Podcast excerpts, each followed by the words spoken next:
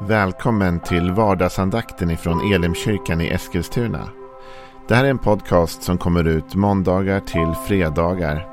Om du vill veta mer om vilka vi är, vad vi tror på, hur du kan komma i kontakt med oss eller vad vi kan erbjuda dig för någonting så gå in på www.elimkyrkan.com. Får jättegärna gå in och likea vår Facebook-sida. Det är facebook.com elimeskilstuna. Eller så söker du upp oss på YouTube och då söker du på Elimkyrkan Eskilstuna. Vi vill jättegärna komma i kontakt med dig. Men nu lyssnar vi till dagens andakt. Välkommen till vardagsandakten.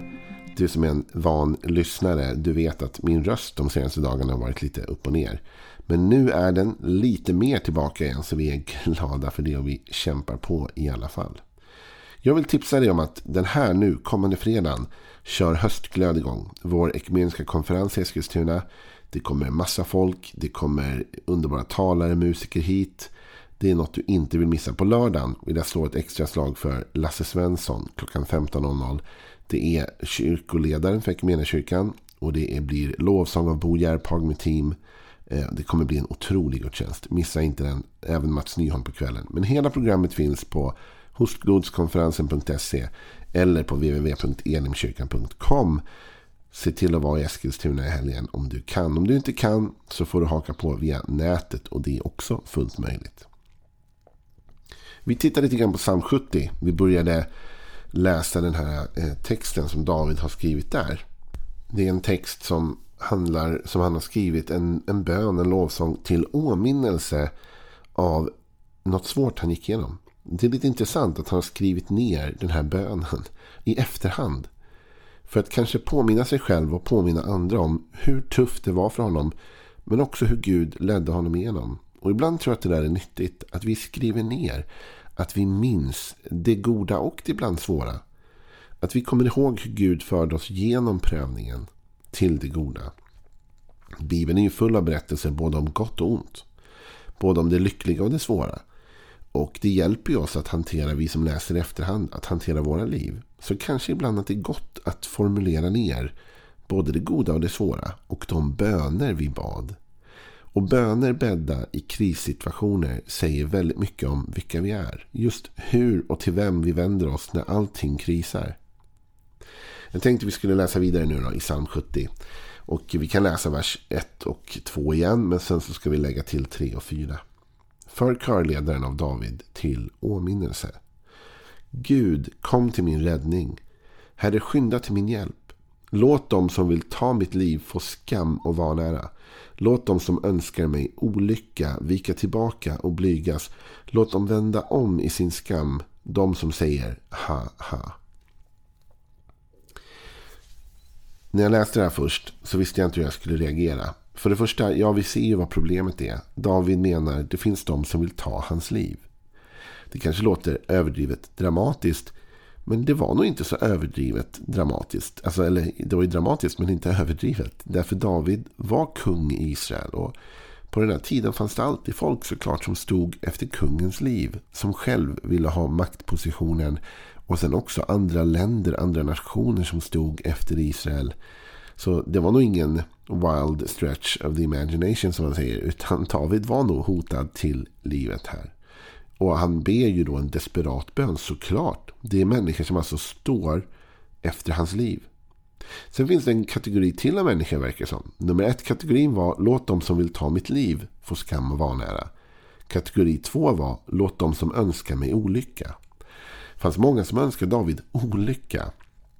Och det kan ju du och jag också känna igen oss i. Det finns ju människor som önskar dig och mig olycka också. Som önskar att det inte ska gå så bra för oss. Eller som önskar se oss misslyckas eller falla. Och, eh, som kanske till och med försöker sätta ut ett krokben eller fälla oss någon gång längs vägen. Låt dem som önskar mig olycka vika tillbaka och blygas. Och sen så talar han bara om att, att alla de här ska få vända om i sin skam. Alla de som säger haha. Med andra ord de som bara skrattar åt honom. Så det är tre kategorier kan man säga. De som vill ta hans liv, de som önskar honom olycka och de som skrattar åt honom, gör narr av honom, driver med honom. Och det är ganska stor skillnad i allvarlighetsgrad, eller hur? Eh, och också konsekvenserna kanske av Davids bön. Men det jag inte visste jag skulle tackla är den här bönen. Därför vi lever ju i det nya förbundet. Och jag tänkte kanske knyta ihop med lite ord av Jesus på slutet. Men David, han blir ju faktiskt olycka på ett sätt. Över de som vill honom illa. Och det är en mänsklig känsla och en mänsklig tanke. Men Jesus utmanar oss att ta en annan väg. Och då kanske vi måste säga något i vardagsandakten om detta. Jag älskar Gamla Testamentet. Och alla som eh, lyssnar på den här vardagsandakten vet ju att vi ofta är i Gamla Testamentet. Och alla som har lyssnat till mig i Elimkyrkan under tio år, de vet att jag älskar Gamla Testamentet. Men vi lever i ett nytt förbund. Och vi får aldrig blanda ihop det. Våra spelregler hämtar vi inte främst från Gamla Testamentet. Gamla Testamentet hjälper oss förstå Gud. Hjälper oss förstå vem han är, hur vi ska förhålla oss olika saker, hans syn på olika saker, vårt ursprung och så vidare. Men Nya Testamentet, det är därifrån du och jag som kristna idag hämtar våra spelregler. Det är därifrån vi egentligen ser vad som Gud vill att vi ska göra och hur vi ska agera. David levde ju inte under det, så vi kan inte döma honom nu för att han ber en bön som går lite grann emot kanske det Jesus faktiskt undervisar att vi ska göra. Han ber en väldigt mänsklig bön. Men sen började jag tänka mer på den här texten. Och så började jag inse att David ändå, trots att han ber olycka på ett sätt, skam och vanära över sina motståndare här. Så är det faktiskt så att David ändå tonar ner responsen. Du vet, även i gamla testamentet så talas det om öga för öga och tand för en tand, eller hur? Och när jag läste teologi då fick jag lära mig att det där var inte så illa som det låter. Alltså, vi tänker att det är hemskt att ha någon. Ska man ge igen lika mycket? Men det där var faktiskt en begränsning av straff. Därför det som ofta hände på den tiden var att när någon tog ditt öga så att säga. Då tog de inte ditt öga utan då högg de av dig huvudet. Liksom. När någon gjorde illa någon familjemedlem i din familj så var det inte det att de sen gjorde illa någon familjemedlem tillbaka utan de utplånade hela din familj. Alltså det, straffen var oproportionerligt hårda jämfört med brottet. Och när Gud säger öga för öga så är det egentligen en begränsning av straffet. Du får inte ta mer av någon annan än vad de tog av dig. Och Gud försökte begränsa folkets respons på det sättet. Men David gör det automatiskt här. Hans vändstraff, eller vad man säger, hans bön till Gud om olycka över motståndarna är oproportionerlig. Den är oproportionerligt snäll. Lyssna igen. Låt dem som vill ta mitt liv, alltså de är ute efter att döda David. Låt dem som vill ta mitt liv, vad ska de få? Skam och vanära. Alltså, det var ju milt, eller? David säger inte att Gud ska döda dem. David säger inte du, de som vill döda mitt liv och ta mitt liv, se till att döda dem först. Eller se till att, de, att hela deras allt blir förstört. Eller, och så vidare. Utan han säger, låt dem få skam och vanära. Alltså låt dem skämmas. Låt dem komma i, i ett skamligt läge. Låt, dem, låt folk se ner på dem. Låt dem få vara nära istället. Förminska deras position. Det var väl ändå en väldigt snäll bön på ett sätt när någon vill döda dig och du säger Gud, se till så att den här personen skäms över det den gör. Och att, den, att folk ser ner på den personen så att den inte har den maktposition den har. Det var ju en väldigt bra bön. Och det var en bön som var bra. Därför skammen kan leda till omvändelse och vanäran gör att personen tappar maktposition. Vilket gör att de inte har samma slagläge längre. Det var faktiskt en, en bra strategisk bön av David. Om han visste det eller inte. Låt de som vill ta mitt liv få skam och vanära. Och så säger han, låt de som önskar mig olycka vika tillbaka och blygas. Det är inte heller hårt egentligen, eller hur? Låt dem vika tillbaka. Alltså låt dem sluta. Och låt dem skämmas lite grann, blygas lite. Låt dem, låt dem tycka det är pinsamt lite grann hur de har hållit på. Så att deras dåliga samvete på något sätt dömer dem för att de har önskat med den här olyckan och betett sig på det här sättet. Jag tycker fortsatt att det är en ganska snäll respons. Och det sista David sa var Låt dem vända om i sin skam. De som säger haha. Alltså de som skrattar åt mig. De som driver med mig. De som gör narr av mig. Låt dem vända om i sin skam. Låt dem uppleva att de skäms över detta. Att de faktiskt eh, bara känner sig dumma. Har du någon gång gjort det? Har du någon gång varit i en situation där du har sagt någonting mot någon, om någon. Och sen helt plötsligt har du kommit i en situation där du skäms över det. Någonting hände, någonting uppmärksammades och du kände bara en skam, en känsla av ah, så dumt att jag sa det där. Jag skulle aldrig ha gjort det. Det kanske inte har hänt dig för du är Mr eller Miss Superhelig. Men vi andra här då, vi kan ha varit med om det någon gång. Att man skäms. Det är också egentligen helt normalt. David säger, jag bara önskar att de skulle skämmas lite över sitt beteende. Att de skulle inse att det här är inte ett bra sätt att agera på. Men sen finns det en aspekt till av Davids bön som är lite halvvacker. Det är att David inte bara ber skam och vanära, det är det första vi ser, eller hur? Och att de ska skämmas och så vidare. Han ber faktiskt om omvändelse för dem. Han säger, låt dem som önskar mig olycka vika tillbaka. Och så säger han också, låt dem vända om i sin skam.